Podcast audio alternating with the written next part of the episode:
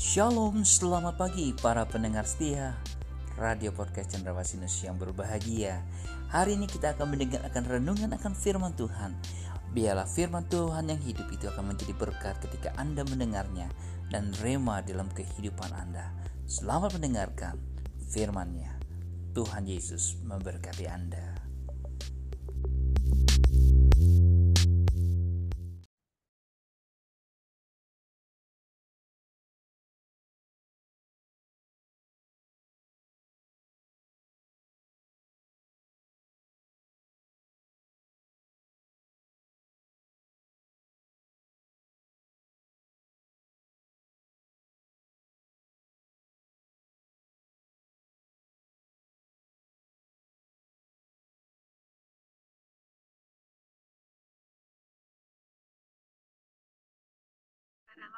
lawan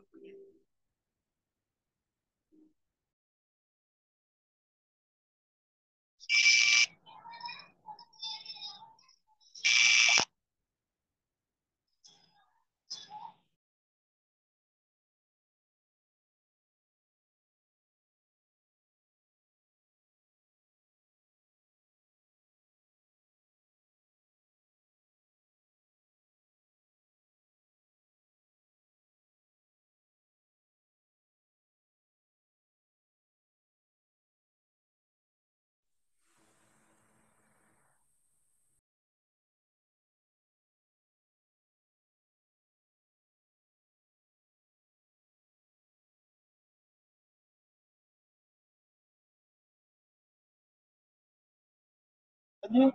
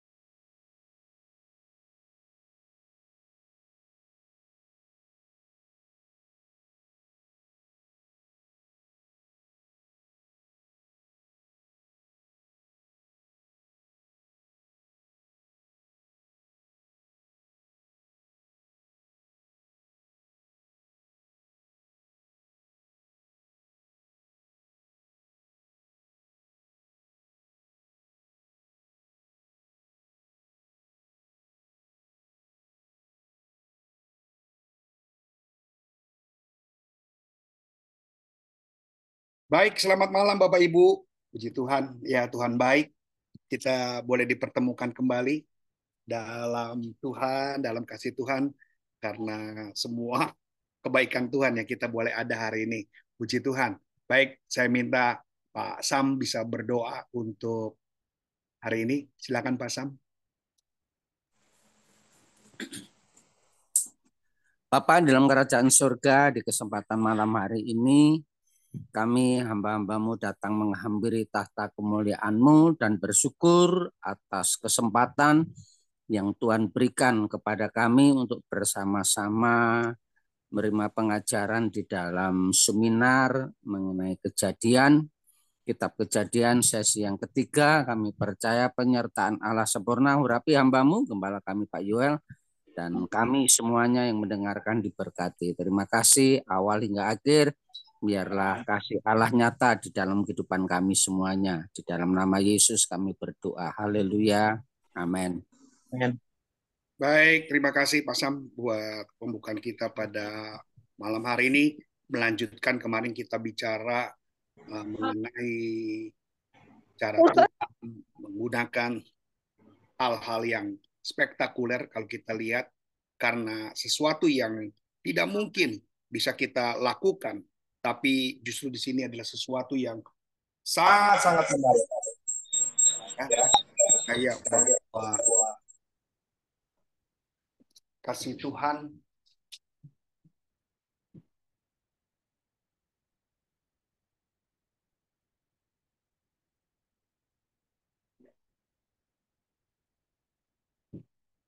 kasih Tuhan yang melimpah buat kita sepanjang hari luar biasa ya. Baik, kita akan lihat malam hari ini memahami kejadian uh, lebih lagi.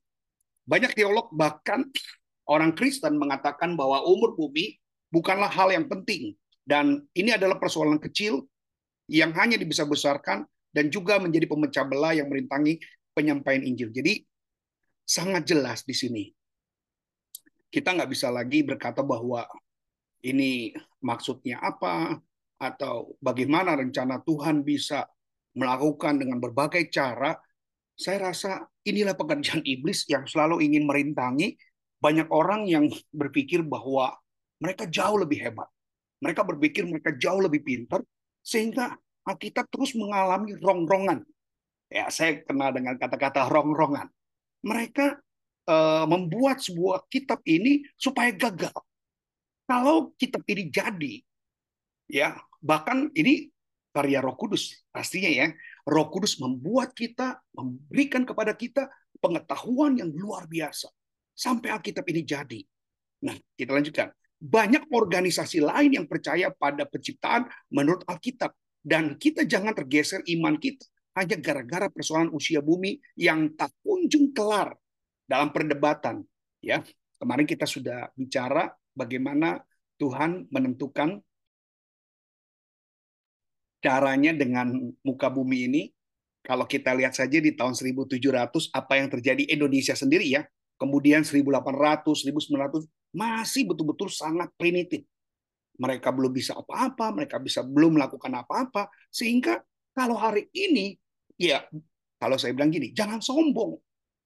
Siapa sih kita waktu di tahun 1600? Siapa sih kita dengan keterbatasan keterbatasan usia kita, dengan keterbatasan usia kita, tentunya kita nggak perlu menyaksikan atau meragukan akan firman Tuhan. Nah, kita jangan tergeser iman kita hanya gara-gara persoalan usia bumi yang tak kunjung kelar dalam perdebatan. Pemahaman dan pendapat bahwa kepercayaan penciptaan merupakan proses jutaan tahun yang melemahkan kematian dan karakter Allah. Jadi jelas Justru Allah sangat berperan sekali terhadap kehidupan saudara dan saya.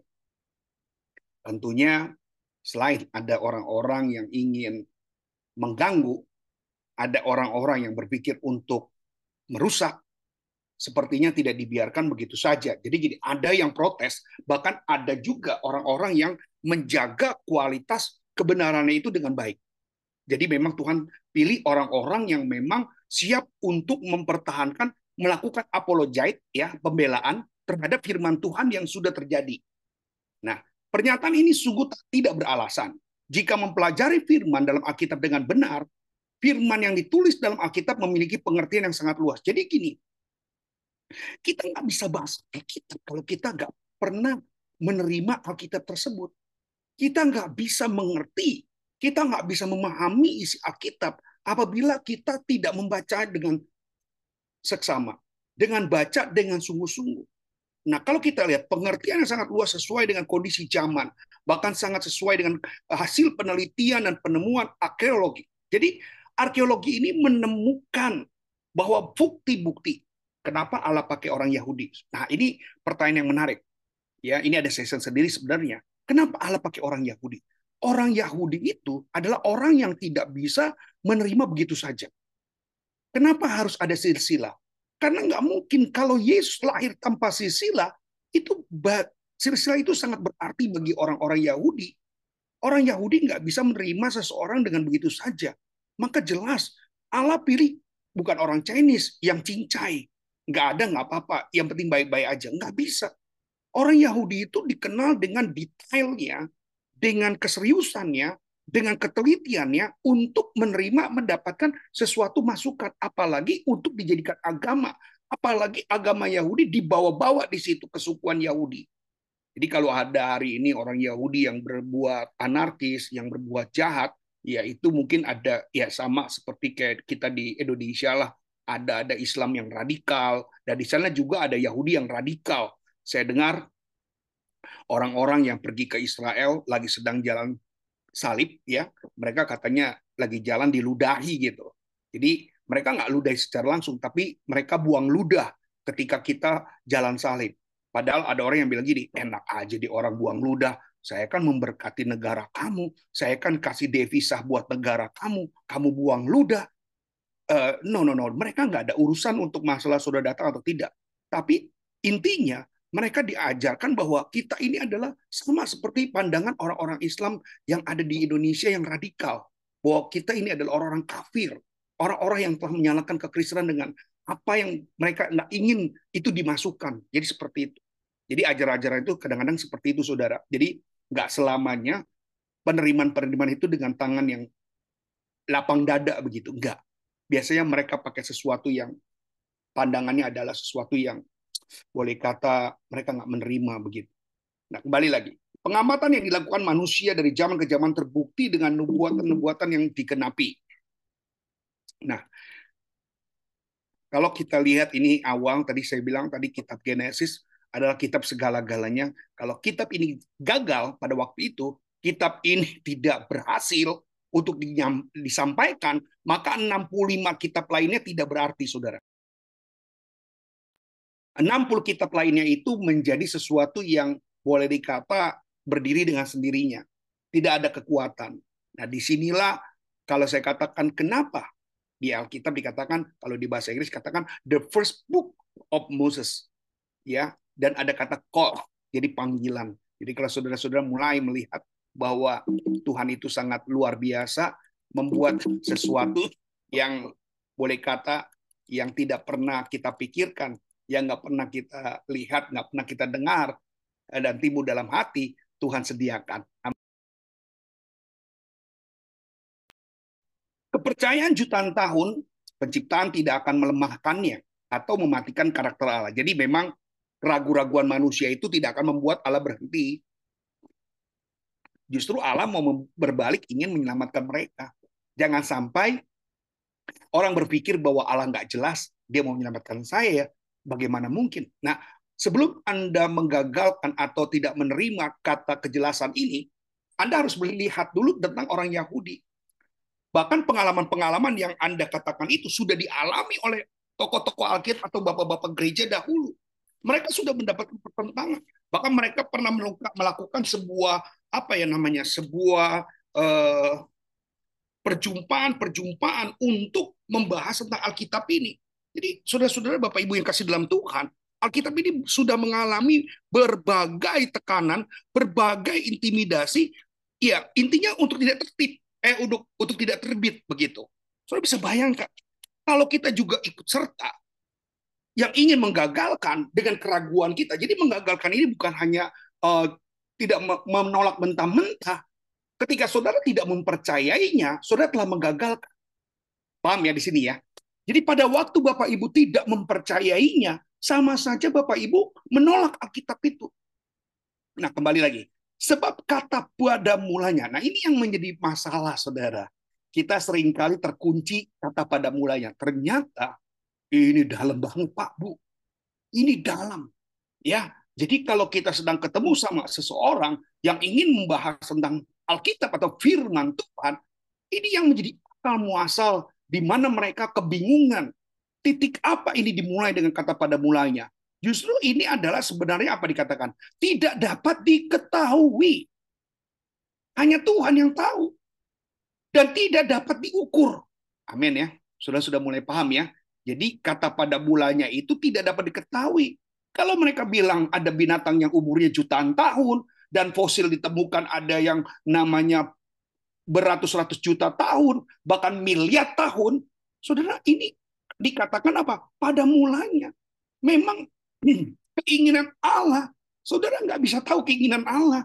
Siapa yang bisa tahu keinginan Allah? Siapa yang bisa membaca pikiran Allah? Siapa yang bisa membaca kehendak Allah? Kita semua nggak mampu. Nah, kembali lagi. Diukur dan ditentukan dengan secara pasti kapan terjadinya. Di sini saja kita mau nggak mau sudah harus memahami. Ya, kan ada orang yang bilang, nggak bisa dong begitu. Enak aja. Pada mulanya kok suka-sukanya Tuhan. Loh, ini kan Tuhan bicaranya sama Musa. Ya, bicaranya dengan Musa. Kondisinya pada saat itu kepada Musa. Nah, karena itu termasuk pada masa kekal. Nah, ingat ya, pada mulanya itu termasuk pada masa kekal. Karena manusia pertama Adam dijadikan, diciptakan memiliki hidup kekal atau dalam tubuh kemuliaan. Tubuh kemuliaan apa? Tubuh yang tidak dapat mengalami kematian. Tubuh yang ya seperti tubuh Yesus pada waktu murid-muridnya berkumpul dan pada waktu itu Yesus bisa masuk ke dalam uh, pertemuan mereka, Yesus tiba-tiba muncul, Yesus pakai tubuh apa? Tubuh kemuliaan Bapak Ibu. Ya, di situlah Yesus merasakan satu perbedaan dan diberikan kepada khusus kepada saudara dan saya yang percaya. Sekali lagi, yang percaya.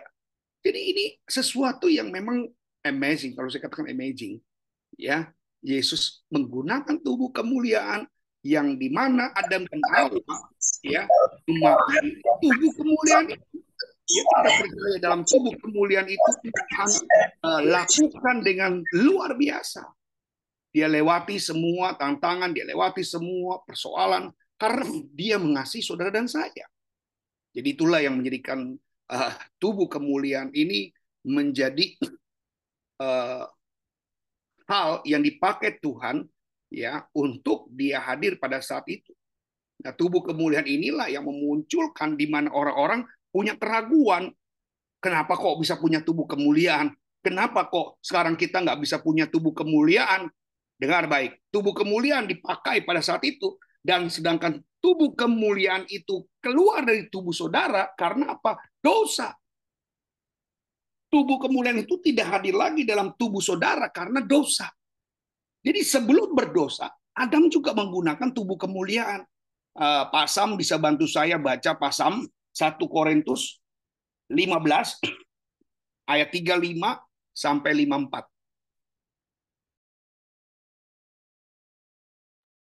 Satu Korintus pasal 15 ayat 35 sampai 54. Ya. 1 Korintus 15 mulai ayat 35 berikutnya kebangkitan tubuh. Tetapi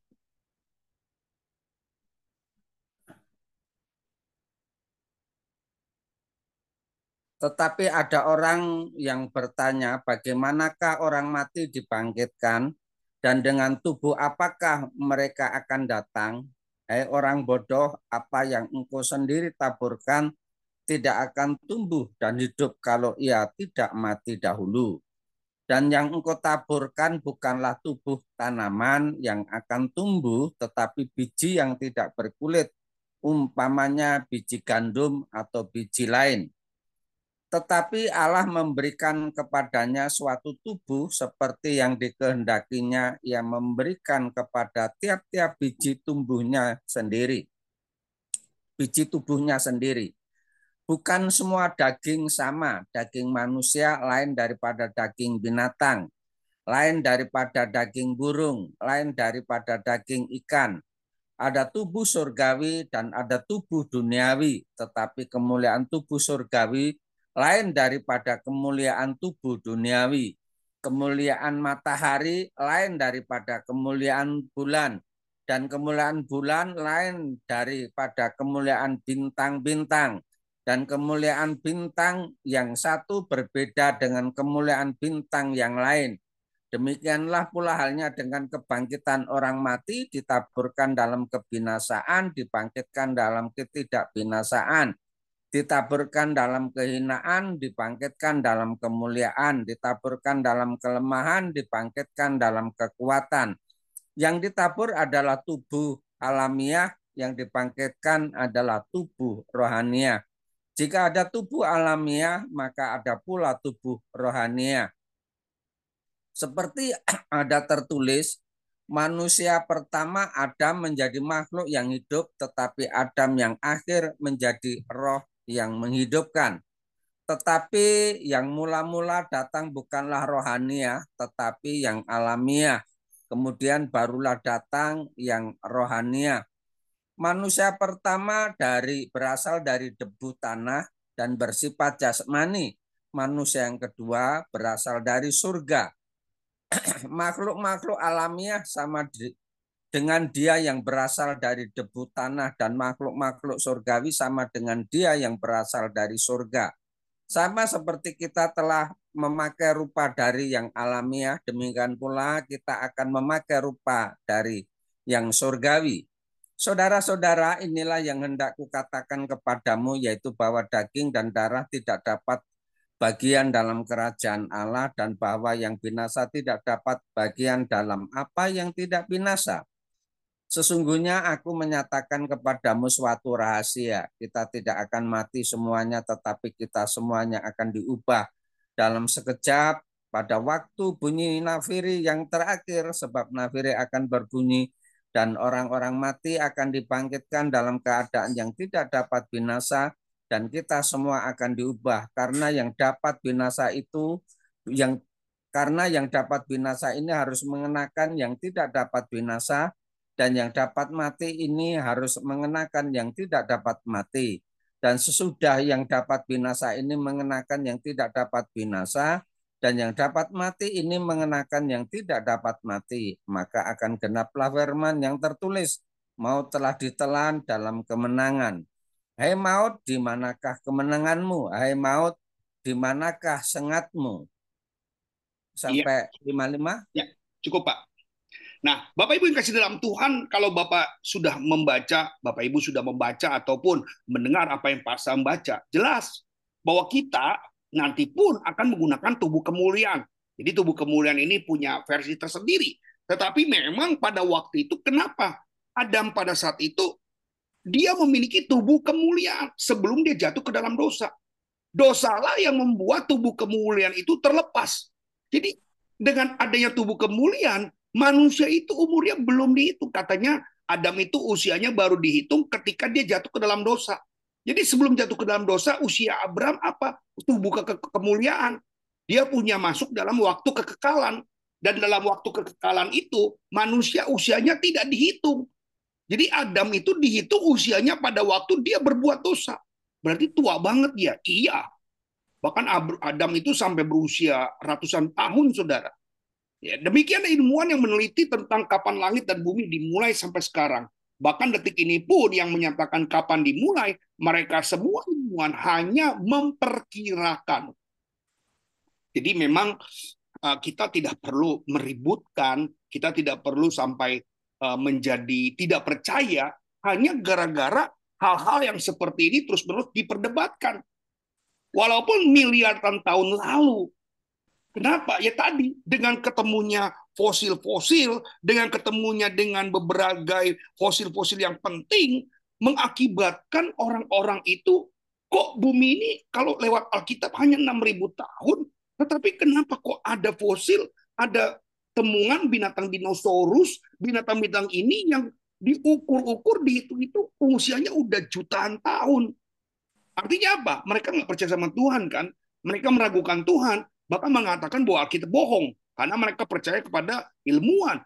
Gamawan dia percaya pada Alkitab, tapi ilmuwan dia percaya pada penemuannya. Ini yang jadi masalah.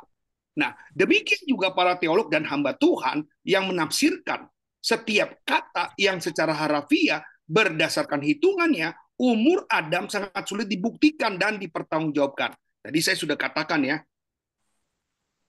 usia Adam dihitung baru ketika dia berbuat dosa.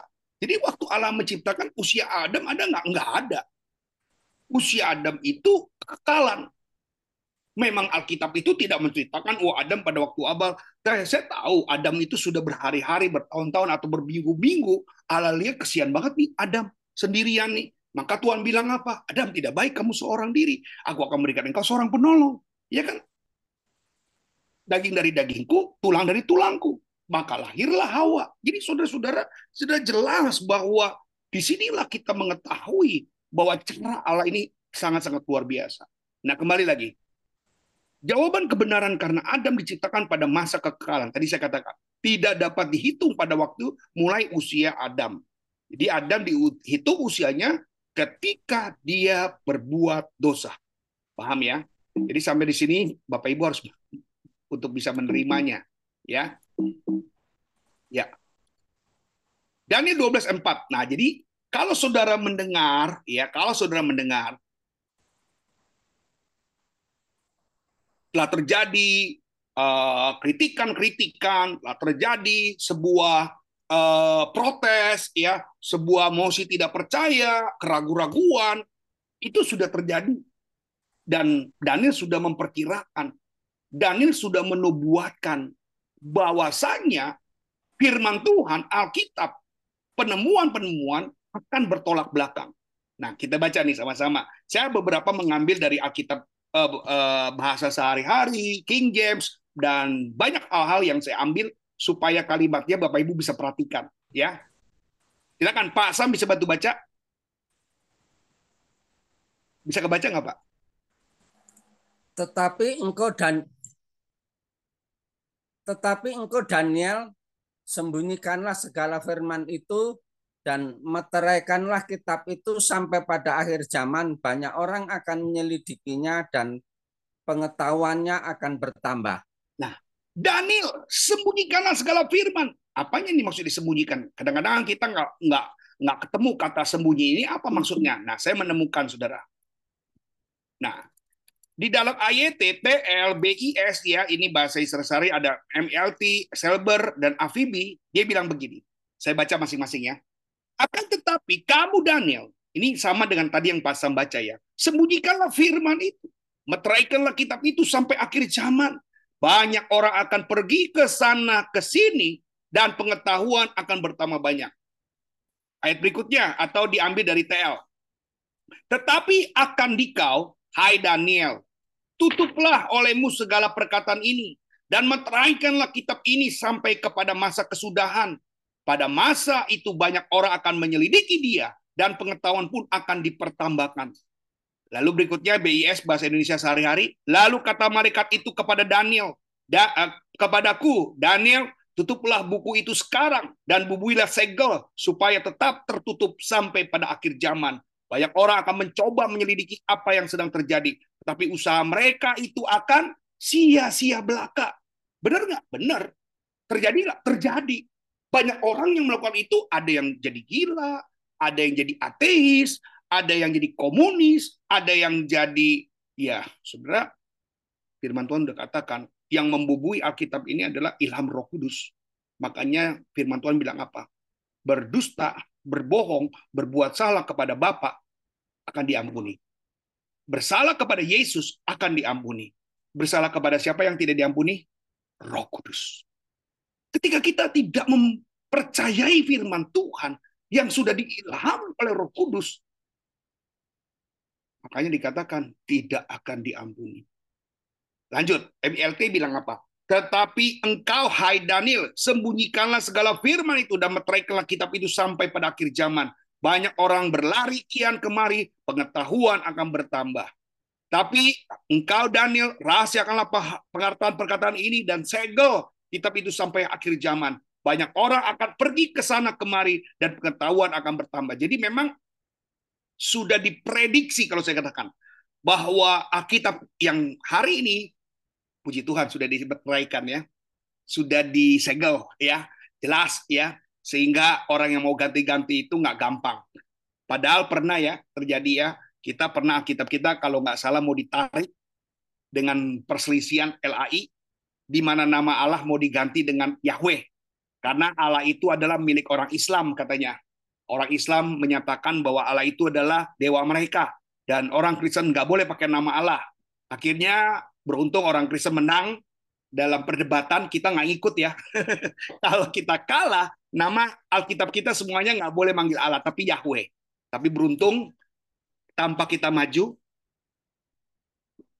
tanpa kita hadir dalam persidangan, konsili, mereka sudah memenangkan tetap nama Allah diperbolehkan. Ya kalau sampai ya kita berganti Alkitab kita memanggil Allah dengan kata Yahweh.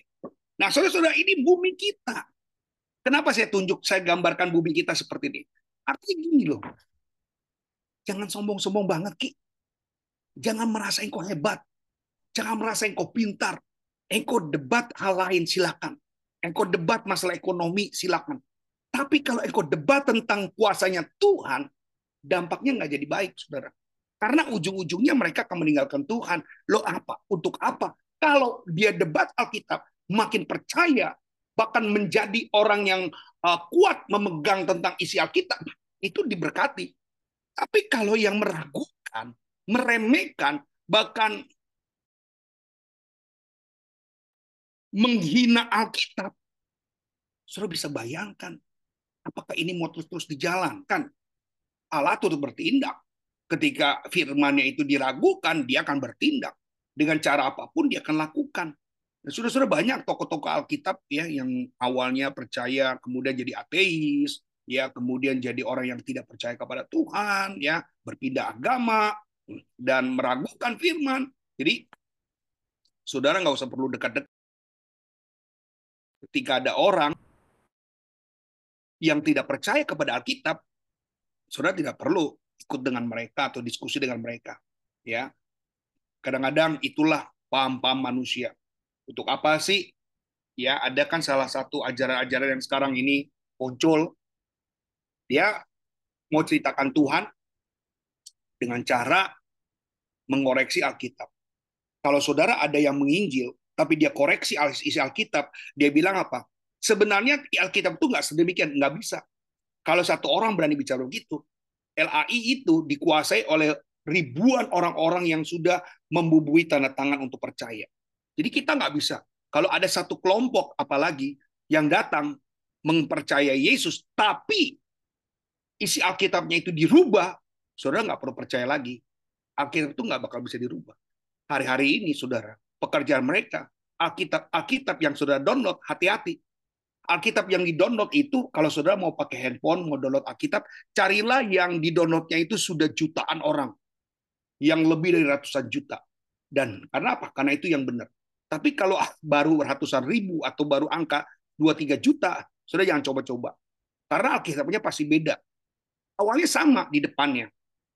Karena mereka kalau ngubah itu nggak mau dari halaman pertama sampai halaman ke-10 buat mereka itu akan ketahuan.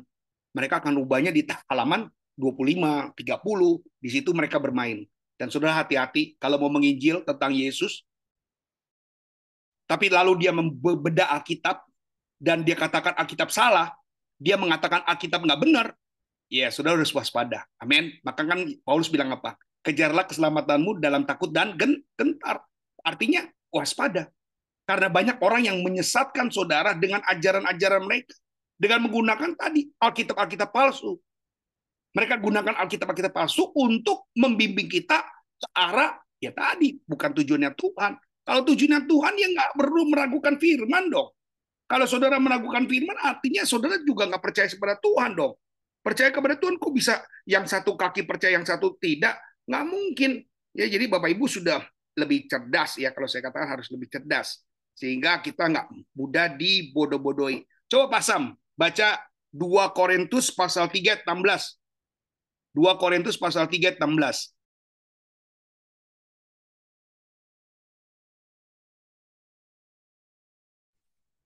Dua Korintus 3 ayat yang ke-16. Tetapi apabila hati seorang berbalik kepada Tuhan, maka selubung itu diambil daripadanya. Salah, Pak. Oh, sorry, 2 Timotius. 2 Timotius 3 16. I'm sorry, Pak. 2 Timotius, Pak. 2 Timotius 3 ayat 16. Iya. Segala tulisan yang diilhamkan Allah memang bermanfaat untuk mengajar, untuk menyatakan kesalahan, untuk memperbaiki kelakuan, dan untuk mendidik orang dalam kebenaran. Ingat ya, hanya orang yang diajar, hanya orang yang diperbaiki kesalahannya, hanya orang yang diperbaiki kelakuannya, hanya orang yang didik dalam kebenaran. Jadi bukan Alkitab itu yang di apa dengan kasarnya dilecehkan begitu, dilemahkan, banyak orang Tuhan nggak suruh bedal kitab. Makanya justru saya bilang puji Tuhan ya, Alkitab keburu dimeteraikan. Kalau nggak digonta-ganti, saudara. Ya, bersyukur ada orang yang mungkin tanpa kita bayar, ada orang yang tanpa kita gaji, dia menjagai Alkitab sampai hari ini. Sehingga Alkitab itu tidak diganti-ganti. Saudara bisa bayangkan kalau Alkitab tidak dijaga dengan orang-orang kudus, dengan orang-orang yang punya hati, wah, itu download aja bisa diberantakin, Saudara. Benar. Ya. Kalau orang yang tidak cinta Tuhan, download Alkitab itu bisa dipalsukan semuanya. Bahkan Alkitab pun waktu dicetak itu bisa diganti, diganggu. Sehingga saudara menemukan sesuatu yang salah. Ya. Saudara akan menemukan sesuatu yang aneh. Padahal kita di, apa dilecehkan, dirusak Alkitab kita yang harusnya tidak bukan pekerjaan mereka. Ini yang yang kita harus berhati-hati. Nah, dasar pemahaman ini saudara harus pahami ya. Yang pertama, Alkitab memberi kita sejarah dunia secara benar. Firman harus menjadi otoritas tertinggi dalam segala permasalahan yang dibicarakan. Bukan hanya masalah moral dan spiritual, tetapi juga mengenal pengajaran yang menyangkut sejarah, arkeologi, dan ilmu pengetahuan. Ingat ya, memberi kita sejarah dunia. Jadi, saudara, percayalah dengan apa yang Tuhan sudah lakukan.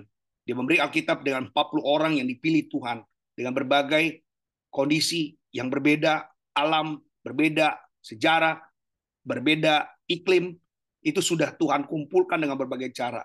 Itu hanya cara Tuhan yang bisa tahu. Yang kedua, yang dipertaruhkan dalam menjelaskan secara benar tentang penciptaan adalah otoritas firman, karakter Allah, doktrin kematian, landasan dasar Injil, jika bab-bab pertama kitab kejadian bukanlah catatan sejarah secara harafiah, maka iman atas bagian-bagian lainnya dari Alkitab akan rusak.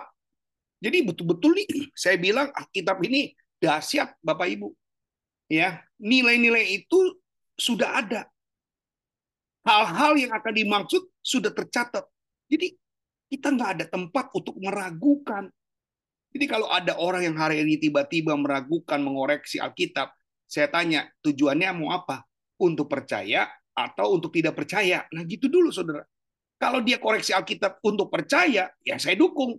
Tapi kalau dia koreksi Alkitab untuk bahwa dia akhirnya tidak percaya, akhirnya mau pindah agama, lah ngapain? Berdebatan kalau dia mau bertobat, kecuali dia bilang begini, e, kasih saya tahu, siapa tahu saya jadi percaya sama Tuhan Yesus. Nah ini, ini kesempatan kita.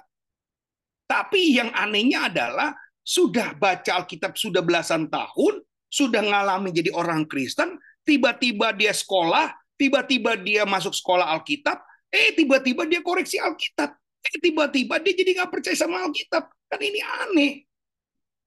Aneh. Kenapa dia baru nggak percayanya sekarang begitu? Nah ini banyak kayak orang kan sering kali cuci otak ya.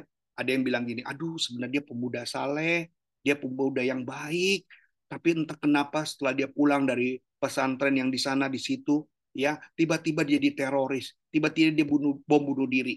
Itu banyak cerita kayak gitu.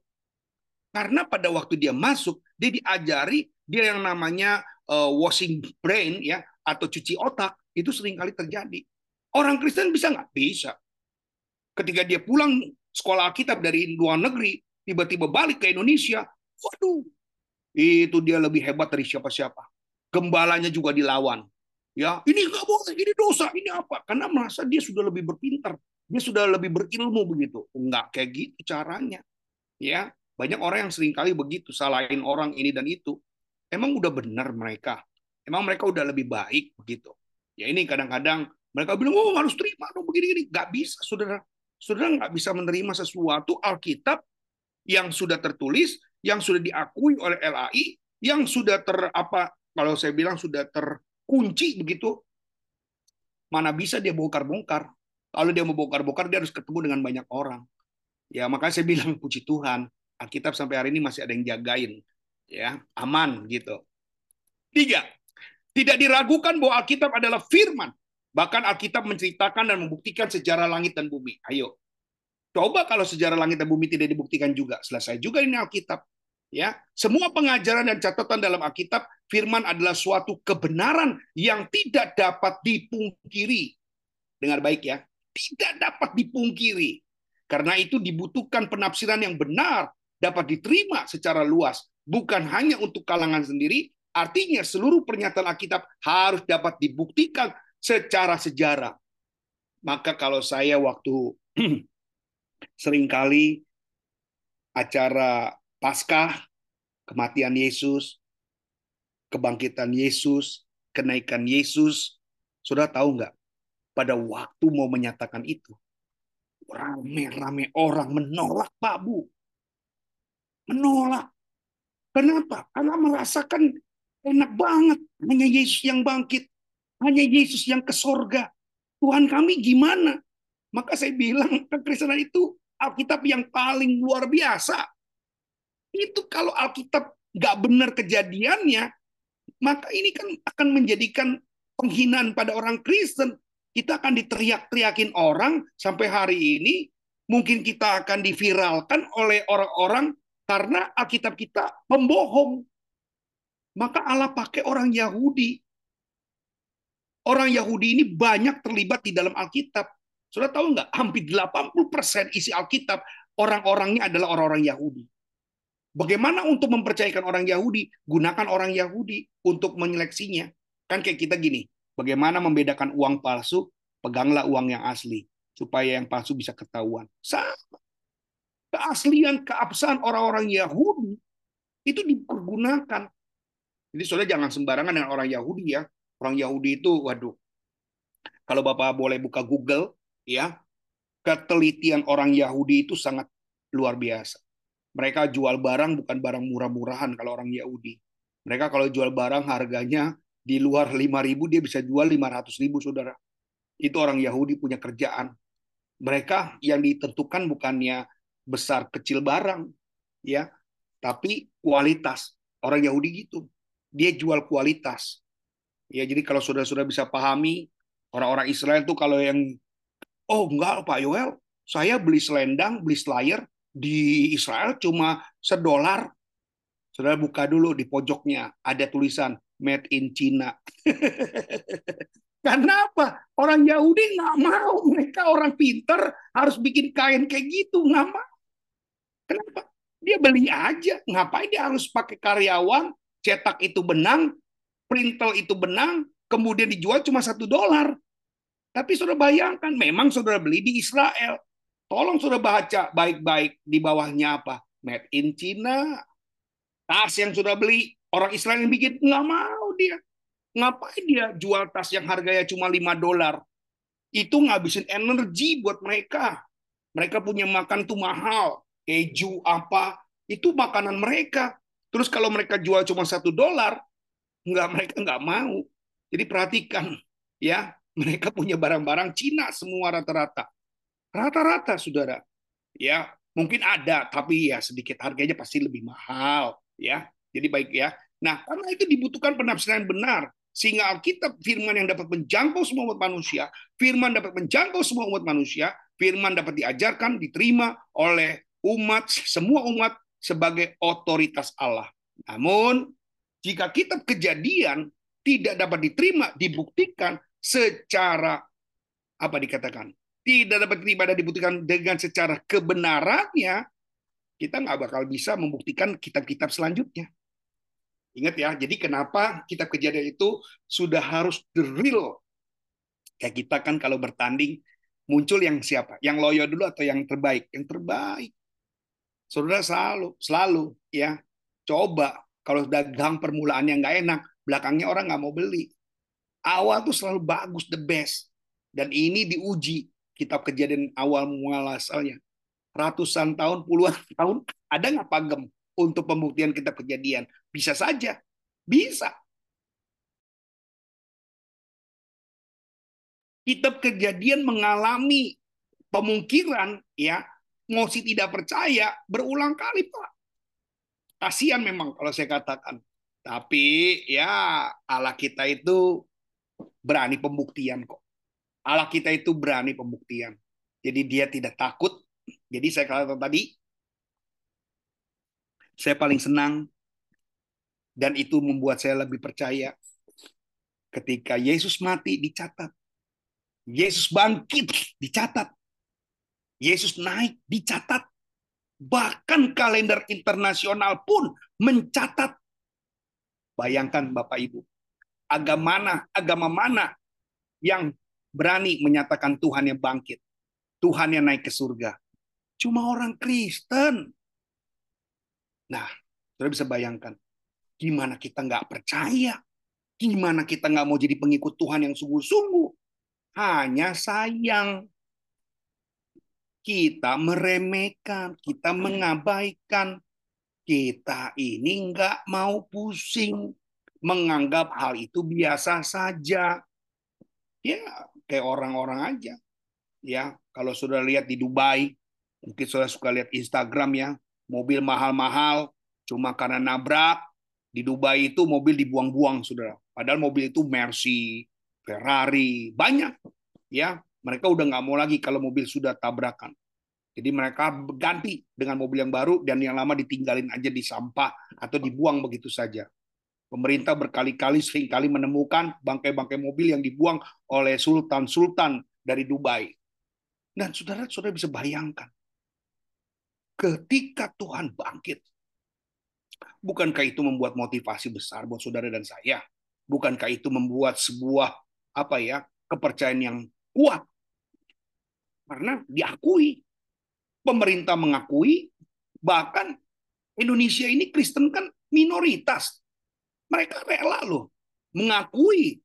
Padahal dengan mengakui bahwa Tuhan yang orang Kristen naik ke surga, itu kan sama saja membuat orang-orang muslim itu jadi iri. Kok mau sih ngakuin? Kan nanti repot. Kami punya agama aja, Tuhan kami nggak bangkit. Kok ini orang Kristen kok Tuhannya bangkit? Kesempatan yang seperti ini tidak pernah kita gunakan untuk menjangkau jiwa, Pak. Kita biasa-biasa saja. Barang mahal ini kita anggap barang-barang biasa. Maka saya bilang, kalau kita nggak kurang mencintai Tuhan, kita akan berhenti kepercayaan kita hanya di pihak kita. Tapi kalau kita mengasihi Tuhan, kita mencintai Tuhan, kita harus berbagi keselamatan dengan yang lain. Dengan cara seperti ini. Maka kalau orang-orang cerdas, orang-orang yang berintelektual, dia akan percaya sama Tuhan. Kalau orang Kristen bohong, itu pemerintah langsung suruh hapus. Benar nggak? Kalau orang Kristen bohong, mereka tanya dulu dengan di Israel, mereka tanya dengan di Arab, mereka tanya dengan Yordania, mereka tanya dengan negara-negara tetangga di sana dengan orang-orang Mesir. Eh benar nggak? Tuhannya orang Kristen itu bangkit. Benar, benar, benar, benar. Ini bukti arkeologinya. Ternyata ada tempat di mana Yesus pernah naik ke surga. Eh iya, iya, benar. Ini tempat tempat penghukumannya Yesus, di mana Yesus disalib. Eh benar, ini tempat di mana batu itu yang besar bergeser dan ada mayat yang keluar dan mayat itu hidup kembali. Saudara-saudara, ini udah menjadi sebuah masalah besar dari dulu. Sudah diperangin. Mereka ingin dihapus, Yesus bangkit. Mereka mau dihapus, Yesus mati. Mereka mau hapus, Yesus naik ke surga. Bahkan hari ini bukan lagi kenaikan Isa Al-Masih, Jokowi sudah bikin kenaikan Tuhan Yesus Kristus. Wow. Bapak Ibu bisa bayangkan. Hebatnya orang Kristen dipercaya dan imannya itu diperkuat. Bahkan bukan hanya Alkitabnya boleh beredar. Sampai tanggalnya pun dibikin libur. Katakan dong haleluya. Puji Tuhan. Iya, iya benar ya. Yang saya sampaikan, wah itu betul-betul. Saya juga jadi percaya gara-gara itu loh saudara. Kalau kita nggak dipercayai dengan kejadian-kejadian, kenapa Allah pakai orang-orang Yahudi? Karena orang Yahudi itu kritis. Kritis banget. Dia tidak akan pernah membiarkan sesuatu yang apalagi ini menyangkut negara mereka. Bawa-bawa tentang Israel loh. Ini Alkitab sudah dibawa dengan mereka? Sudah. Sudah diteliti dengan mereka? Sudah. Sudah dikoreksi? Sudah. Dan ini sudah betul-betul menjadi apa yang memang Allah sampaikan buat saudara. Dan tidak semua ayat-ayat firman harus ditafsirkan secara hurufiah. Itu sebenarnya memang kayak gitu. Kita nggak perlu secara hurufiah kapan terjadi. Untuk apa sih? Apakah dengan pada mulanya kapan terjadi ratusan tahun dengan ukuran tahun kemudian membuat engkau jadi lebih percaya? Enggak juga kan? Kalau engkau karena percaya dengan huruf-huruf via ataupun kejadian-kejadian waktu dan timing yang sudah-sudah ketahui, Apakah itu membuat engkau lebih sungguh-sungguh? Belum tentu. Sekarang saya tanya, orang tahu dengan waktunya tercatat atau waktu yang beredar, apakah itu membuat semangat? Belum tentu. Nah, karena rahasia firman sangat luas dan mengandung pernyataan Allah pada waktunya akan terbukti kebenarannya. Dibandingkan otak amnesia sangatlah kecil untuk memahami apalagi tanpa disertai percaya kepadanya. Jadi ingat ya, dibanding otak manusia, ini salah ketik ya saya, dibanding otak manusia yang sangat kecil untuk bisa memahami, nggak akan pernah bisa. Apalagi nggak percaya. Kalau percaya dia tidak akan berdebat. Kenapa dia berdebat? Karena nggak percaya. Kan firman Tuhan bilang apa? Berbahagialah orang yang tidak melihat, tetapi percaya. Itu kan yang disampaikan. Berbahagia orang yang tidak melihat, ya, tapi percaya. Saudara-saudara, ini kan Tuhan mau model yang seperti ini tetap bertahan. Ya, ini yang Tuhan mau. Coba pasam, ulang pasam. Yohanes 20 ayat 28 sampai 29 pasam. Yohanes 20 ayat 28 sampai 29, Pak. Yohanes 20 ayat 28 dan 29. Thomas menjawab dia, "Ya Tuhan dan Allahku," kata Yesus kepadanya, "karena engkau telah melihat aku, maka engkau percaya. Berbahagialah mereka yang tidak melihat namun percaya. Berbahagialah orang yang tidak melihat tetapi percaya. Bapak Ibu, sebenarnya kita ini orang yang beruntung ya. Sampai saya gambarin otak nih. saya gambarin otak, sudah bisa uh, landscape, sudah punya HP otak pria ukuran lebih besar dibandingkan otak wanita. Otak manusia punya bobot 2,7 kg atau 1.200 gram, yaitu sekitar 2% dari berat tubuh Anda. Laki-laki hanya 100 gram, lebih besar dari wanita setelah memperhitungkan perbedaan total berat badan. Jadi yang begini mau lawan Tuhan. Gimana mau lawan Tuhan? Orang kita aja diciptakan Tuhan. Betul nggak? Kita aja diciptakan Tuhan. Hari ini mau ngelawan Tuhan. Kan saya bilang, lahir kita bisa tentukan, tapi hidup mati Tuhan yang tentukan. Mau punya anak kapan kita bisa tentukan, tapi anak itu hidup atau mati Tuhan yang menentukan. Ya kan? Tuhan yang menentukan. Kita mau punya anak tiga, silakan. Tapi hidup mati di tangan Tuhan. Hidup mati di tangan Tuhan. Saudara nggak bisa punya uang miliaran bisa hidupin orang yang mati. Nggak bisa. Kemarin waktu saya lihat Icing, ya Bu Merni, saya bisa bayangkan pertemuan nggak sampai belum sampai 10 menit tiba-tiba diperhadapkan di mata saya secara langsung di mata saya ya karena yang lain tidak fokus saya aja yang fokus waktu itu benar-benar ngeliat dia ya dengan secara langsung pada saat saya bicara cuma bilang begini enak ya udah nggak diinfus ya udah bisa jalan-jalan nih terus dia bilang iya puji Tuhan udah nggak apa-apa lewat lewat saudara.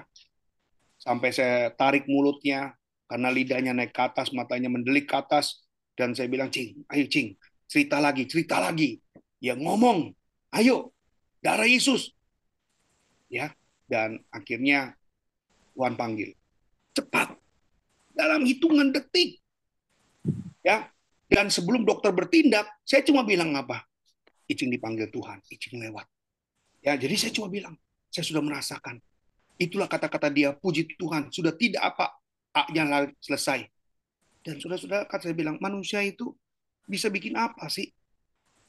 Kalau hari ini dia mau ngelawan Tuhan, hebat apa sih dia? Sebesar apa sih dia? Kalau hari ini kita masih ditolong Tuhan, masih minta pertolongan dia, sudahlah. Ya, jangan sampai menjadi nggak percaya. Jangan sampai engkau meragukan Tuhan. Itu yang saya nggak suka. Sudah melakukan apa gangguan.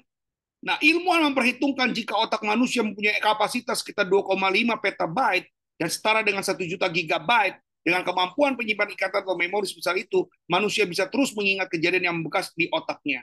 Tapi kan kembali lagi, Tuhan yang menentukan. Tuhan yang mampu. Ya, Allah biarkan. Jadi gini sebenarnya sih, kalau kamu dari nggak percaya jadi percaya, itu yang Tuhan suka. Tapi kalau kamu dari percaya kemudian jadi nggak percaya, ini yang jadi masalah. Paham ya? Kalau saudara baca kita dari nggak percaya akhirnya jadi percaya, itu Tuhan suka. Tapi dari yang percaya akhirnya jadi nggak percaya, ini yang Allah nggak suka. Kan banyak kan orang-orang yang membuat Alkitab bergeser, ya buku-buku yang dicetak dengan menentang firman Tuhan adalah apa? Dulunya dia orang percaya, Pak, Bu. Dulunya dia itu orang-orang yang dipakai Tuhan. Kok kenapa? Jadi tolong Bapak Ibu perhatikan kalau Pak Suwardi mungkin sekolah Alkitab ya. Kalau Pak Suwardi disuruh baca-baca buku, ada buku-buku yang dibaca itu di mana penulisnya dulu adalah hamba Tuhan, tapi setelah itu dia menjadi ateis, dia menjadi ingkar iman, dia jadi nggak percaya. Sudah bayangkan, orang yang sudah bikin tentang Tuhan luar biasa, orang yang sudah pernah bercerita Tuhan itu dahsyat, orang yang sudah bisa ngomong bahwa Tuhan itu hebat, loh tiba-tiba jadi nggak percaya. Ini kan aneh. Bukannya bahwa orang yang nggak percaya jadi percaya, malah yang percaya jadi nggak percaya. Ini kan yang kurang ngajar kalau saya katakan. Dan ini terjadi banyak. ya. Kita melihat bagaimana kita kejadian menggambarkan Tuhan sempurna, kudus, benar, penuh hikmat, penuh rahmat, penuh cinta, penuh kasih sayang. Kita melihat bagaimana manusia dan dunia pada waktu penciptaan adalah indah, punya hubungan yang dekat dengan Tuhan. Tetapi setelah Adam dan Hawa jatuh dalam dosa, mereka diusir dari Taman Firdaus. Karena dosa yang menyebabkan hubungan antara manusia dan Tuhan terpisahkan. Tetapi karena kasih Allah begitu besar, Allah memulai proses rekonsiliasi dengan ciptaannya dan memberi mereka harapan penebusan. Ya, Allah juga peduli loh saudara. Dia lakukan penebusan. Ini pun harus tercatat loh saudara. Di sini Allah sudah mulai main tahun-tahunan. Di sini Allah sudah mulai dengan awal-awal. Dan saudara lihat, sudah dibuktikan mau baca lebih dalam lagi, ada bukti-bukti yang mendukung berapa tahun, berapa tahun. Sampai pernah saya katakan, sejak zaman Raja Jedekia sampai zaman Raja Herodes, 400 tahun Allah nggak ngomong sama manusia. Tapi setelah itu, Allah memberikan persiapan keselamatan. Kenapa? Bisa apa terjadi? Ini kan karena nubuatan dari Yesaya 800 tahun yang lalu. Bahwa nanti akan ada juru selamat yang datang menolong manusia. Pada waktu bikin salah, Allah tahu nggak? Tahu. Ya, tetapi justru Allah yang mempersiapkan itu semua. Manusia nggak tahu. Tiba-tiba ada juru selamat aja dari keluarga Maria dan Yusuf yang sudah dipersiapkan. Yang disembunyikan pada waktu itu kehebatannya. Tapi setelah masuk mereka dalam arena, Yesus bawa suatu perubahan yang luar biasa. Meskipun hukum dan pengorbanan yang tidak diberikan tidak akan memenuhi hukum kebutuhan permanen membayar harga atas kesalahan manusia, kitab kejadian berisi sekilas rencana Allah bagi keselamatan umatnya. Atas permulaan perjalanan sejarah, Tuhan semakin mengungkapkan melalui siapa keselamatan yang akan datang dengan kuasanya. Tuhan merekonsiliasi hubungan yang terputus karena dosa. Tuhan menyatakan dirinya untuk menjadi kudus dengan wahyu dan perintah-perintahnya kepada umat-umatnya. Allah memilih untuk bertemu langsung dengan umat pilihannya. Mulai dari Adam, Nuh, Abraham. Saudara lihat tokoh-tokoh ini siapa yang pilih? Allah. Siapa yang menentukan tokoh-tokoh ini? Allah. Kualitasnya Allah, kehebatannya Allah. Staminanya Allah. Bahkan mereka Allah bertanggung jawab juga. Ya kan bertanggung jawab kan? Adam yaitu dalam dosa, Tuhan bikinin apa? Pakaian buat dia. Dan juga ada hukum bahwa perlunya korban untuk penebusan dosa. Matian adalah sebuah hasil yang disebabkan oleh dosa. Tapi melalui pemulihan dan penebusan hubungan dengan Allah dapat diperoleh lagi. Masalah penciptaan pada akhirnya tidak menjelaskan sesuatu atas fakta-fakta, tetapi berdasarkan iman. Sejak penciptaan dunia atribut tak terlihat. Dari kuasa Tuhan yang kekal dan keilahiannya tetap jelas. Terlihat yang dapat dipahami melalui apa yang telah dibuat dan dikutip dalam Roma pasal 1 ayat 20. Sebab apa yang tidak nampak daripadanya, yaitu kekuatannya yang kekal dan keilahiannya dapat nampak kepada pikiran dari karyanya sejak dunia diciptakan sehingga mereka tidak dapat berdalih. Jadi memang Alkitab ini saling punya kesinambungan, Pak. Satu dengan yang lain punya hubungan. Ketika manusia meragukan, Alkitab selanjutnya menjawab men, menjawab tantangan yang tidak percaya itu jadi percaya. Makanya nggak bisa kita katakan Alkitab itu punya ke kekurangan, kelemahan. Kan ada yang bilang, kenapa kok Allah kejam? Kenapa Allah uh, mata ganti banta, gigi ganti gigi, dan Allah sering kali suka membunuh. Kenapa Allah suka membunuh? Kenapa Allah suka membinasakan? Karena dia ingin menyelamatkan. Karena orang-orang yang sekitar itu yang dibunuhnya adalah orang yang akan membawa ketidakselamatan, memberi pengaruh yang buruk. Jadi Allah daripada orang yang menciptakan kok bebas haknya dia untuk membinasakan. Kalau yang nggak tidak taat, kalau yang nggak sungguh-sungguh, Allah punya kuasa terhadap sesuatu yang dia ciptakan. Allah punya sesuatu kuasa untuk menggagalkan. Kan saya katakan, manusia boleh punya rencana, tapi hidup dan mati Tuhan yang menentukan. Hidup dan mati Tuhan yang menentukan. Boleh mereka pergi bikin bayi tabung. Banyak orang, teman saya ada yang bikin bayi tabung itu sampai tiga kali, yang keempat baru berhasil. Dan sekali bikin bayi tabung itu puluhan juta. Lo bisa bayangkan. Ya, gagal, gagal, gagal. Dan hari ini dia berhasil, ya anaknya puji Tuhan udah usia 20-an lebih ya. Tapi anak itu termasuk anak mahal. Dan itu kan karena apa? Ya mungkin Allah lihat kesungguhan hati dia, Allah lihat keseriusan hati dia, akhirnya Allah kasih. Coba kalau nggak serius, ya sama kayak uh, kita lah. Bagaimana kalau kita berjuangnya, padahal Tuhan mau tentukan di kali yang ketiga dia berusaha, dia berhasil. Tapi kalau di kali kedua dia berhenti, nggak bisa terjadi apa-apa, ya. Sebaliknya pikiran mereka menjadi sia-sia dan hati mereka yang bodoh menjadi gelap. Allah memilih untuk bertemu langsung dengan umat pilihannya dari Adam, Nuh, ya. Tinggal di antara umat yang ada perlu ada korban penebusan ya. Jadi Allah lakukan. Nah ini gambaran ya di mana Allah membuat sebuah uh, sikap ya. Allah membuat sebuah gambaran ini loh yang Tuhan mau lakukan buat setiap umat-umat manusia dia berikan segala sesuatu yang terbaik buat kita. Dia lakukan yang terbaik karena dia mengasihi saudara. Dia mencintai kita semuanya. Dan peran-peran ini yang tidak dapat kita ragukan. Peran-peran inilah yang membuat kita menjadi yakin. Lanjut. Beginilah firman Tuhan, YHWH, ya, yang menciptakan langit dan membentangnya, yang menghamparkan bumi dengan segala yang tumbuh di atasnya, yang memberikan napas kepada umat manusia, yang mendudukinya nyawa kepada manusia yang hidup di atasnya. Wow. Jadi memang jelas Allah punya peran, Allah punya kuasa, Allah punya sesuatu yang terbaik untuk dia ceritakan buat saudara dan saya. Kita bersyukur Bapak Ibu yang kekasih dalam Tuhan, kita bisa mengenali, kita bisa memahami apa yang firman Tuhan ajar buat saudara dan saya.